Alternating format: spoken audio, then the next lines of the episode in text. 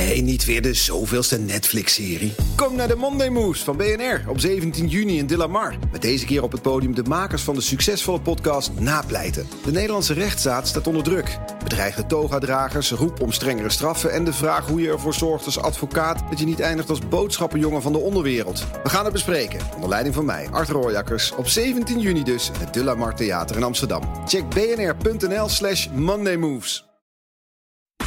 BNR Werkverkenners wordt mede mogelijk gemaakt door BrainNet. BrainNet voor zorgeloos en professioneel personeel inhuren.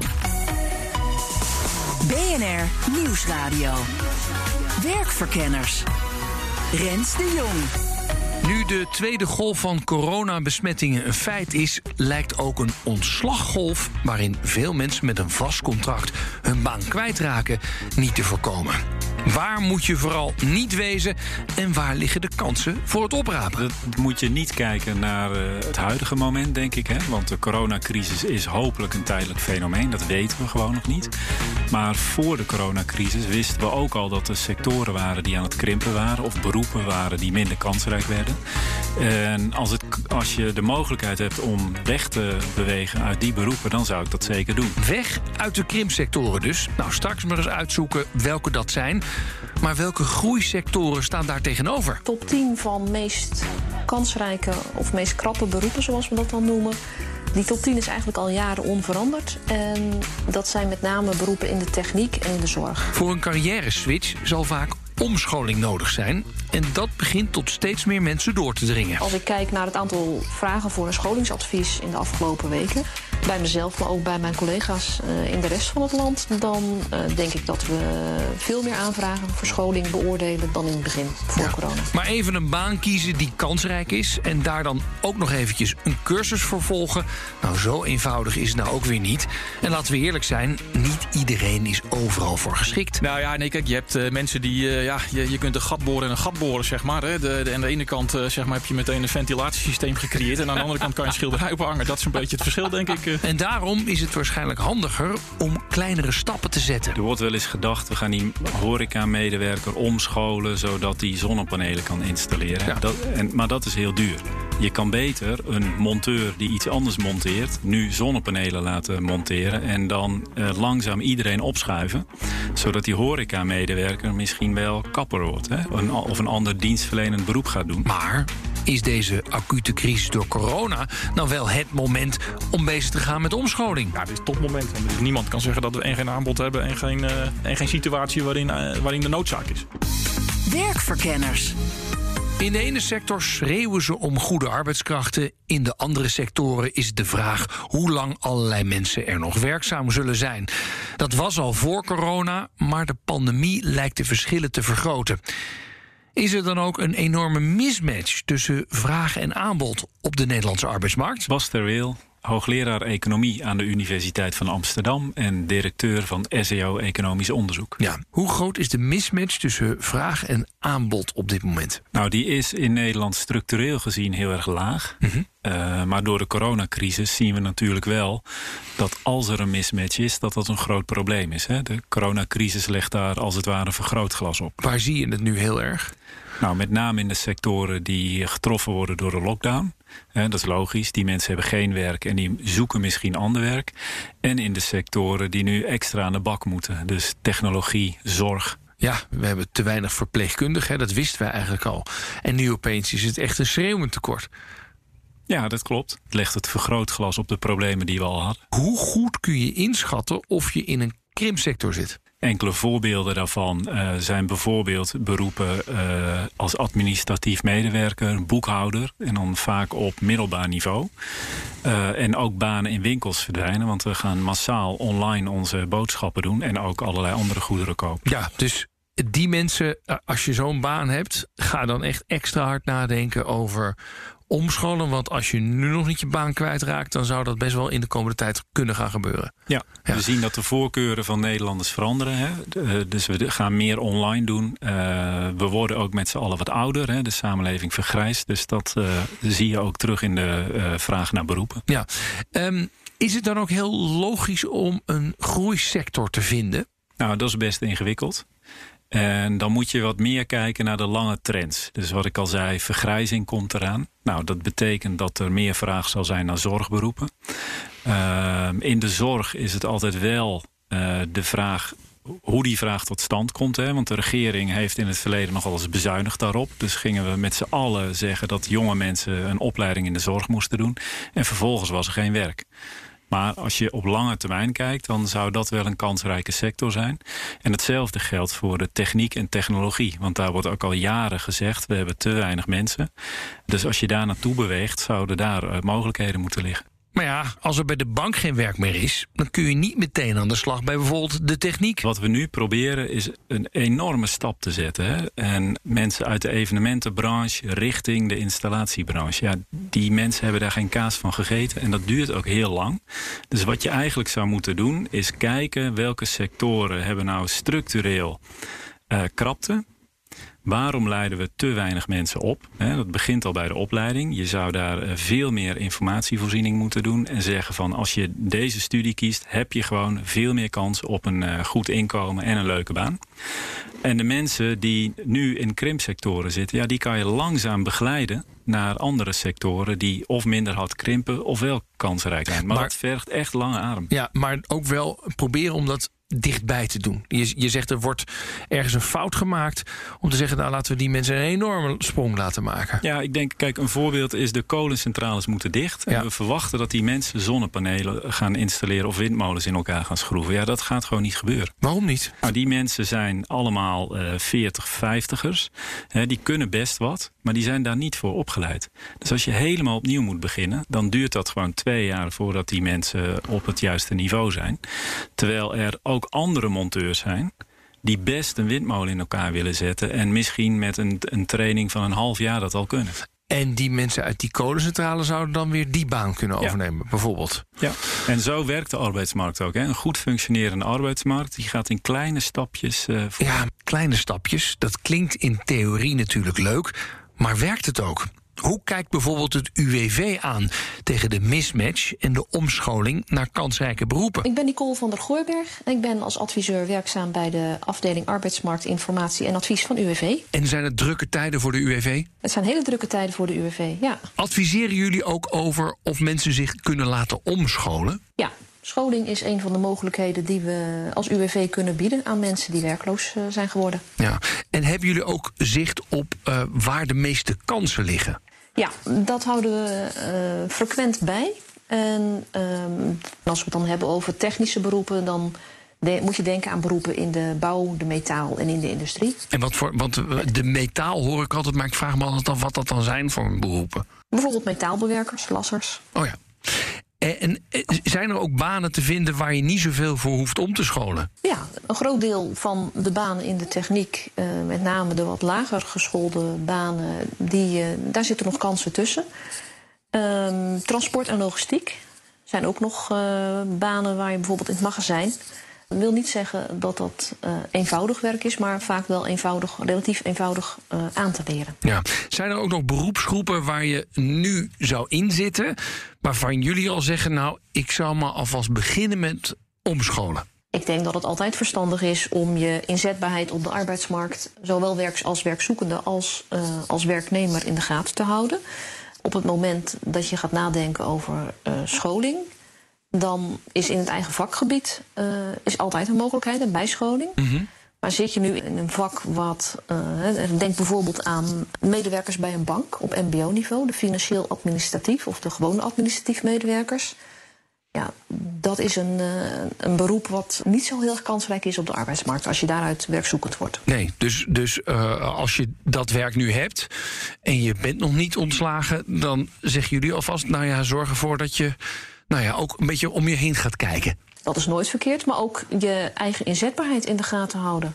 De kans is groot dat als je nu werkzoekend wordt vanuit een administratieve functie op MBO-niveau, dat je niet 1, 2, 3 een nieuwe functie op dat niveau in die richting gevonden hebt. Nee. En, en wat is het dan als je zegt aan je inzetbaarheid werken? Denk aan scholing, dat is een hele belangrijke. Mm -hmm. Zorg dat je op de, op de hoogte bent van uh, de ins en outs in je eigen vakgebied. Zorg dat je digitaal vaardig bent, dat je uh, eventueel talen spreekt. oriënteer je op andere functies die je ook zou kunnen met, je, met de capaciteiten die je hebt. Is het UWV ook een plek waar je terecht kunt voor advies? Of is het alleen maar als je al werkeloos bent geworden? Nee, dat is wel de primaire taak. Mensen die een uitkering ontvangen van UWV begeleiden naar werk. Maar ook oh, juist nu eigenlijk, nu met de NOW-steunmaatregelen, worden er ook regionaal mobiliteitscentra ingericht. Die werkgevers die daarvoor belangstelling hebben, gaan begeleiden om hun werknemers door te plaatsen van werk naar werk. Nou, in de techniek is het nog volle bak zoeken naar goede mensen. Ik ben uh, Michel Mol van Detamo. En Detamo is een detacheerder. We werken landelijk en ja, wat we eigenlijk doen is niet zo heel veel meer dan elke dag onze klanten blij maken met onze technische vakmensen. Jij zit duidelijk in een kraptehoek, kan ik me zo voorstellen. Ja, onze sector techniek kent een schaarste. Uh, nu even iets minder natuurlijk door de omstandigheid, maar uh, ja, we verwachten de komende jaren, uh, net als de afgelopen jaren, dat we hard aan de bak moeten om de markt van dienst te kunnen zijn. Hoe krap is het allemaal? Ja, hoe krap is het? het is, uh, ja, we hebben mensen uit het buitenland gehaald om ons werk hier te kunnen doen. Dus ja, uh, en wij zijn doorlopend mensen aan het opleiden om uh, de gaten te vullen. Dus ja, het is krap. Ja, en, en wat voor, wat je zegt, wij zitten in de techniek. wat voor technische banen heb je dan allemaal? wij zelf zitten hoofdzakelijk in de elektrotechniek, in telecom en ICT in de metaalhoek en in veiligheid. Oké. Okay. En jullie zijn ook volop bezig met opleiden, hè? Ja, wij doen in samenwerking met, nou, eigenlijk met name het UWV. zijn we eigenlijk het hele jaar door bezig met, ja, met het opleiden van nieuwe mensen. het liefst een beetje uit andere vakrichtingen. Wat wij dan maar zij-instromers noemen. om ervoor te zorgen dat we ja, nieuwe aanwas hebben en niet alleen maar mensen aan het verplaatsen zijn in de markt. Ja. Ik begrijp dat jij regelmatig wordt gebeld door horeca mensen met de vraag: heb je werk voor mij? Klopt dat? Nou ja, de laatste tijd uiteraard. Uh, wat je natuurlijk ziet nu is dat er sommige sectoren het erg slecht hebben. Uh, en dat daar mensen zijn die uh, ja, logischerwijs in hun, in hun inkomen willen voorzien. en ons bellen omdat ze op onze website vacatures zien van werk wat er dan blijkbaar nog wel is. En dat die mensen natuurlijk vragen, kan ik dat ook doen? Ja, en wat is jouw antwoord? Nou ja, alles wat je wilt kun je doen, zeggen wij altijd. je moet er hooguit een beetje geschikt voor zijn. Hè? Dat is dan wel een, een belangrijk uitgangspunt. Maar goed, daar zijn wij voor. Hè. Wij helpen die mensen. We testen die mensen. En vervolgens gaan we ze begeleiden naar een baan die past bij ons uiteraard. Want we willen natuurlijk naast de markt ook onszelf een beetje helpen. Ja, maar stel je voor je werkt als barman ergens. Heb je dan voldoende kwalificaties om te zeggen... nou, ik kan ergens in de techniek aan de slag? nou, lang niet altijd. Maar het zal je verbazen over hoeveel barmannen dan misschien toch ooit met een technische opleiding begonnen zijn.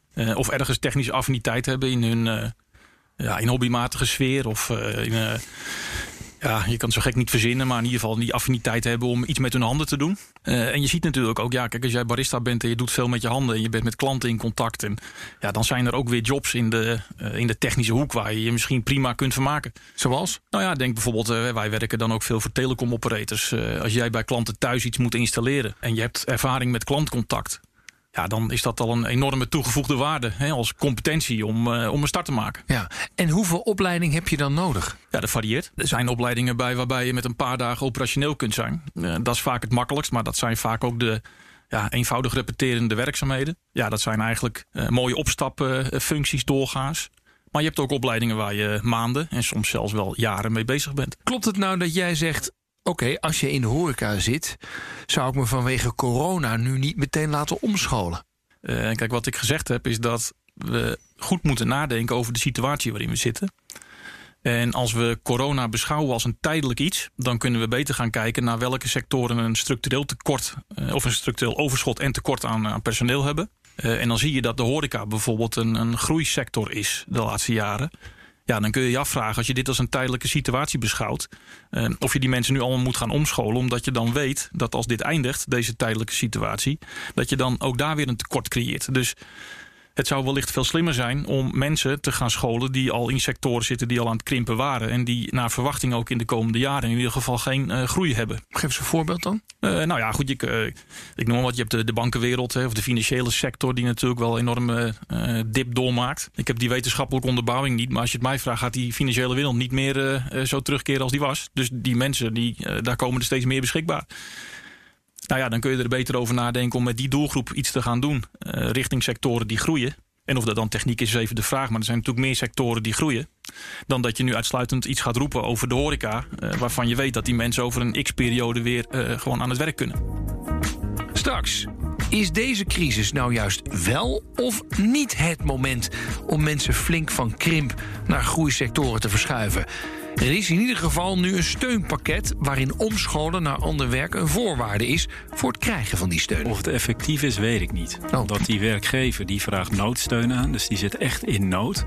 En dan moet hij vervolgens ook nog een opleiding regelen voor mensen van wie hij eigenlijk afscheid wil nemen. Hè, En in het midden van de crisis leggen we deze verplichtingen op. Ja, ja. Dus het- je moet een derde partij hebben die dan die scholing gaat regelen. Rens de Jong.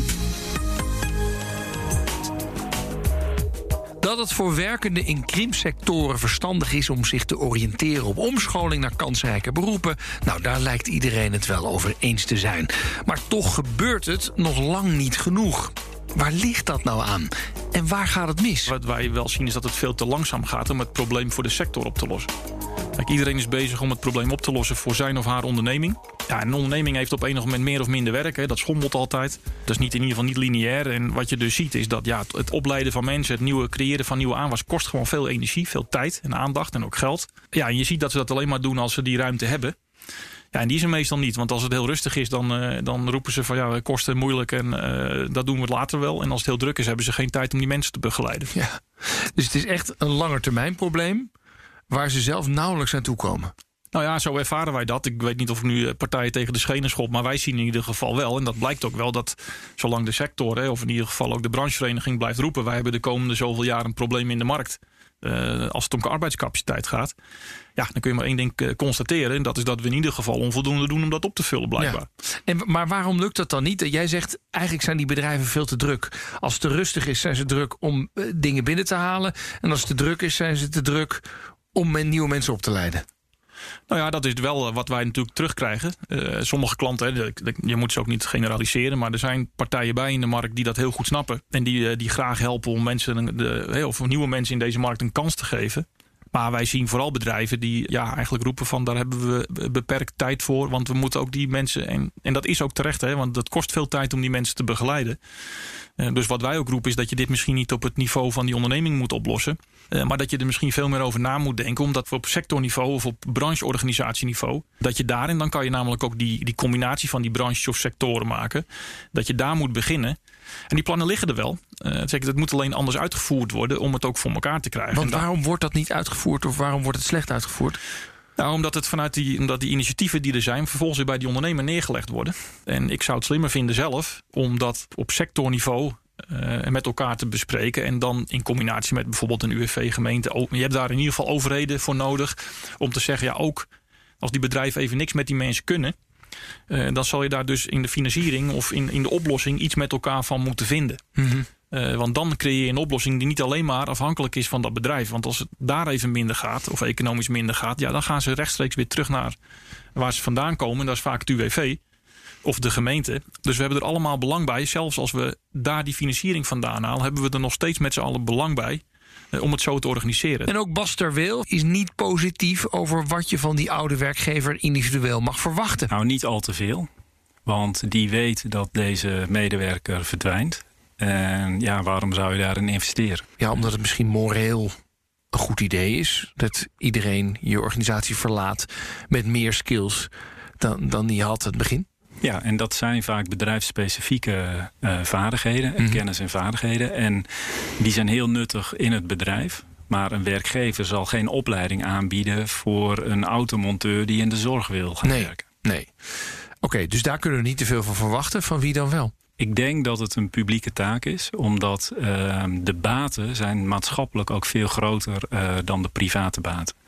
Dus wat je zou kunnen doen is zeggen: dit is een rol voor de overheid. Die investeert in deze mensen, komen vervolgens weer aan het werk, betalen daarmee inkomstenbelasting en zo ploeg je het weer eh, terug naar de Ja. overheid. Doet de overheid dat nu al? Nou, er zijn wel eh, initiatieven. Hè. We hebben leven lang leren fondsen opgezet. Die zijn dan van werkgevers en werknemers. Dat is een alternatief. Maar er zal altijd geld van de overheid bij moeten. Eh, Is de overheid daartoe genegen op dit moment? Zie je, het Tweede Kamerverkiezingen komen er weer aan. Zie je dit langskomen? Nou, in de crisis wel. Hè. Dat, eh, daar zie je het langskomen. Dus we hebben nu een deeltijd WW of een NOW 3 met een scholingsverplichting. In verkiezingsprogramma's zie je het mondjesmaat terugkomen. En waarom is dat? Want ik, ik, dat leven lang leren, dat horen we denk ik ook al... nou zeker twee of drie kabinetsperiodes, en misschien wel langer. En elke keer erger ik me er enorm aan... dat dat maar niet echt van de grond komt. Ja, ik denk dat eh, één reden is dat het, het is boekhoudkundig ingewikkeld. Dus je gaat geld uitgeven aan leven lang ontwikkelen. En dat komt gewoon als een kostenpost in je verkiezingsprogramma terecht. Hè? En ook op de rijksbegroting op het moment dat je het gaat uh, invoeren. Maar je zou het eigenlijk als een investering moeten zien. Mm. En als het een investering is, betekent dat dat je hem terugverdient. Maar ja. nooit in dezelfde kabinetsperiode. Nee. Dus het duurt even. En dat, uh, nou, ik zou zeggen, uh, heb eens lef, politici. En uh, investeer hier nu eens in. Want de maatschappelijke baten hiervan zijn erg hoog. Ja. Um, ik, ik sprak iemand anders en die, die doet dat. Hè. Met zijn detacheringsbureau probeert hij mensen op te leiden om de techniek in te gaan. Hij zegt, wat ook wel weer het probleem is, is dat um, bijvoorbeeld diezelfde werkgevers die die mensen nodig hebben, die zoeken eigenlijk mensen die al helemaal klaar zijn, die al helemaal af zijn, meteen direct inzetbaar. En uh, uh, als ze maar half inzetbaar zijn, dan hebben we er of geen tijd voor of geen tijd voor. Erken je dat of niet? Ja, en met name in een hoogconjunctuur. Want dan zitten werkgevers te springen om mensen. En dan, uh, ja, dan heb je niks aan iemand die een beetje het werk kan. Dan moet iemand gewoon meteen inzetbaar zijn. Ja, maar goed, ook in een laagconjunctuur. Maar dan denk je, ja, ik heb, ik heb niemand nodig op dit moment. Laat maar even zitten. Ja, en ook dan is de nood aan de man. Hè? Dus dan zit je niet te wachten op zo'n medewerker. Dus ja. eigenlijk moet je het doen als je in rustig vaarwater zit. en daarom is het ook zo belangrijk dat de overheid het doet. Want als het allemaal crescendo loopt, denkt niemand aan... goh, laat ik eens een extra medewerker nemen of laat ik eens een andere baan zoeken. Dat gebeurt altijd in hoogconjunctuur. Dan denkt iedereen, nou, ik ga maar eens uh, veranderen van baan. Of in laagconjunctuur, waarbij de vraagkant, hè, de werkgevers juist zeggen... nou, ik wil nu van deze mensen af. En zit je nu al in de WW? Nou, dan komt omscholing op het bordje van het UWV. Voor zover werkzoekenden staan ingeschreven bij het UWV... kan de UWV daar een rol in spelen. Ja. Wij kunnen als UWV niet bepalen dat de hele bevolking aan scholing zou moeten. Op het moment dat iemand in dienst is bij een werkgever... dan is het ook de initiatief van de werknemer en de werkgever zelf om inzetbaar te blijven en scholing te volgen, denk ik. Ja, alleen is natuurlijk de incentive voor de werkgever niet enorm groot om iemand op te leiden voor iets waar die werkgever niet zoveel zelf aan heeft. He, stel je voor, je bent MBO'er bij een bank, administratief uh -huh. medewerker. Dan zou je nu al na deze uitzending kunnen nadenken: hé, hey, potverdorie, misschien moet ik ooit eens een keertje echt iets heel anders gaan doen. Maar de werkgever zal daar niet enorm om zitten te springen. Want die denkt, ja, heb ik niet nodig. Weet je wel? Mm -hmm. nee. Ik kan ook nog niet bij jou aankloppen, bij het UWV, want ik heb mijn baan nog. En dan moet ik dus eigenlijk helemaal uit mezelf... terwijl ik ook nog uh -huh. 40 uur, uur, in de week werk... moet ik uh -huh. gaan bedenken, potverdorie, ik moet echt het roer om gaan gooien. Ja, maar dat hoef je op zich niet alleen te doen. Je zou bijvoorbeeld contact op kunnen nemen dan met een leerwerkloket. Die zijn in elke regio. En die kunnen je helpen met wat zou ik kunnen doen en uh, hoe kom ik daar. Ja, ja. wat doet zo'n leerwerkloket? Leren en werken. Dat is een, uh, een onafhankelijke instantie waar verschillende partijen in uh, vertegenwoordigd zijn. En die adviseren iedereen in Nederland. Dus niet alleen werkzoekenden, maar ook mensen die bijvoorbeeld nog een baan hebben. Adviseren ze bij, bij scholing. Wat kun je volgen aan scholing? Waar kun je dat doen? Welke, welke instelling, welke richting? Waar liggen de kansen? Okay. Is er eventueel een vergoeding mogelijk? En zo'n vergoeding is ook vanuit het UWV mogelijk, maar dan wel onder voorwaarden. Als je voor vergoeding van die scholing in aanmerking wil komen, dan moet het beroep echt opleiden tot een kansberoep. Oh ja, een, kan, een, een kansberoep. Met, oh, wauw. Ja, of een lijst met moeilijk vervulbare vacatures, het is maar hoe je het noemt. Maar dat, we hebben een, een landelijke lijst met uh, ongeveer 40, 140 beroepen daarop.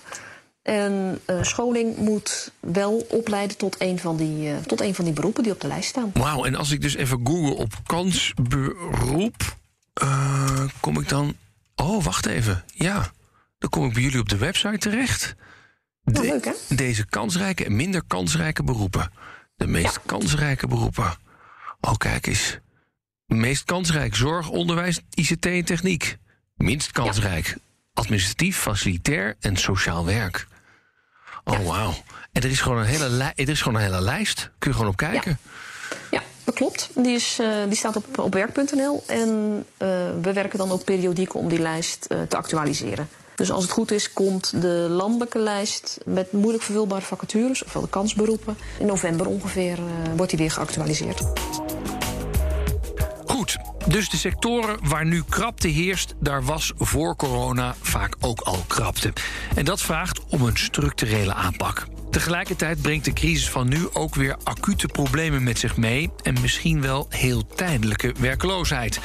Hoe kun je nou tegelijkertijd de problemen voor de korte en de lange termijn aanpakken? Nou ja, ik vind dat je naar al die markten moet kijken zeg maar in de huidige situatie en naar de toekomst toe. Je kunt ook als. Dat een goed voorbeeld is de luchtvaart. We weten allemaal dat het er nu niet is. En dan kunnen we heel erg moeilijk gaan doen en zeggen: die mensen moeten omgeschoold worden naar een andere baan, want ze hebben op dit moment geen baan. Maar als wij weten dat zij in april volgend jaar wel weer een baan hebben, dan heb je een heel ander uitgangspunt. Als dat we het uitgangspunt nemen dat de luchtvaart 50% krimpt en de komende 10 jaar in ieder geval niet meer gaat groeien. Dan weet je namelijk zeker dat je ook 50% van je capaciteit, misschien wel minimaal, uh, moet gaan omscholen, bijscholen naar andere sectoren. Of in dezelfde sector ga, moet gaan verplaatsen in de breedte. Uh, maar meer opties zijn er niet. Maar wat wel cruciaal blijft is om, en dat mis ik een beetje in de, in de communicatie nu, is om die situatie wel te beschouwen als een tijdelijke situatie. En uh, wat gaat er daarna gebeuren? En dat weet natuurlijk niemand. Maar van de horeca durf ik wel te voorspellen dat hij straks wel terugkomt. Ja. Bijvoorbeeld. Nou, dan vind ik dat je daar anders naar moet kijken dan dat je moet gaan roepen: we gaan al die mensen omscholen. Want dan, hebben we straks, dan, dan gaan we straks de bankmensen naar de horeca opnieuw opleiden. En van de horeca hangen ze in de techniek. En in de techniek zijn we. Dus dat heeft. Dat hebben we iedereen omgeschoold, maar dan hebben we nog steeds tekorten. Ja, dan hebben we heel Nederland omgeschoold. Hebben we allemaal, uh, ja, hebben we allemaal half uh, specialisten. Ja, kleine stapjes. Zei Baster wil eerder ook al. Maar ja, nu krijg ik toch een soort beeld dat we met z'n 10 miljoenen tegelijk op de arbeidsmarkt een soort tango moeten dansen. Ja, en die tango moet je eigenlijk uh, meteen doen. Hè? Dus de mobiliteit is te laag. Nou, daar kan je wat aan doen door mensen te prikkelen om vaker te verkassen. Ja. Dus minder uh, gouden kooien, soepele ontslagbescherming. Dat leidt ertoe dat mensen als vanzelf de neiging hebben om uh, meer te bewegen. Koppel je daar een uh, individueel scholingsbudget aan, voelen mensen zich ook wat veiliger om wat vaker te bewegen. Mm -hmm. En dan koppel je er nog eens een keertje een soort skillspaspoort aan, waardoor mensen weten, is dit een enorme sprong of is dit eigenlijk een best klein sprongetje? En als we dan allemaal kleine stapjes zetten, dan proberen we die gaten die nu bijna onbereikbaar zijn, beter te vullen. Ja, dat zou een heel mooi model zijn. Ja. En wie moet dat leiden of gaat dit organisch? Nou, dit gaat niet vanzelf, want dan hadden we het al wel. Ja. Uh, dus er zal iemand moeten zijn. En dan kijk ik toch weer uh, richting de overheid. Hè. En dat kan ook de lokale overheid zijn om dit te regelen. Conclusie van deze uitzending. Zorg en techniek worden steeds weer genoemd als de kanssectoren. En niet alleen nu in de crisis. De krapte was er al langer en dat blijft waarschijnlijk de komende tijd ook nog wel zo. De horeca lijkt nu duidelijk een voorbeeld te zijn van een onzekere branche. Nu gaat het ook echt slecht. Maar als er een vaccin komt, dan is de kans groot dat we met z'n allen weer naar de kroeg willen. En dan hebben we dus ook mensen nodig. Dan ben je administratief medewerker, zeker bij een bank. Dan kun je maar beter meteen verder gaan kijken. Maar voordat je kunt overstappen naar een andere branche, zul je vaak jezelf moeten omscholen.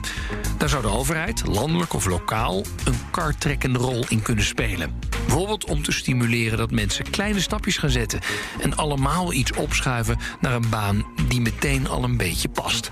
In plaats van dat de barman in alle haast wordt omgeschoold tot een installateur van zonnepanelen. En ja, het moet nu wel in gang worden gezet. Dat er nu door corona extra veel mensen op straat komen, maakt die noodzaak alleen nog maar duidelijker. De mismatch tussen vraag en aanbod vraagt om een structurele aanpak, maar kijk ook of bepaalde krapte of juist hoge werkeloosheid wel door corona komt en tijdelijk is. Misschien zijn daar mensen met beperkte bijscholing tijdelijk uit te wisselen. Nou, dit was Werkverkenners voor deze week. Volgende week krijg je weer een verse op dinsdag om half vier. En natuurlijk in je favoriete podcast-app kunnen we op ieder moment terugluisteren. Tot de volgende keer. Dag. BNR Werkverkenners wordt mede mogelijk gemaakt door BrainNet. BrainNet voor zorgeloos en professioneel personeel inhuren. Ook Liesbeth Staats vind je in de BNR-app. Ja, heel handig. Luister live naar Kees en mij tijdens de Daily Move. Dan blijf je ook gelijk op de hoogte van breaking news en het laatste zakelijke nieuws. En daar vind je ook alle BNR-podcasts, waaronder de Perestrooikast. Download nu de gratis BNR-app en blijf scherp.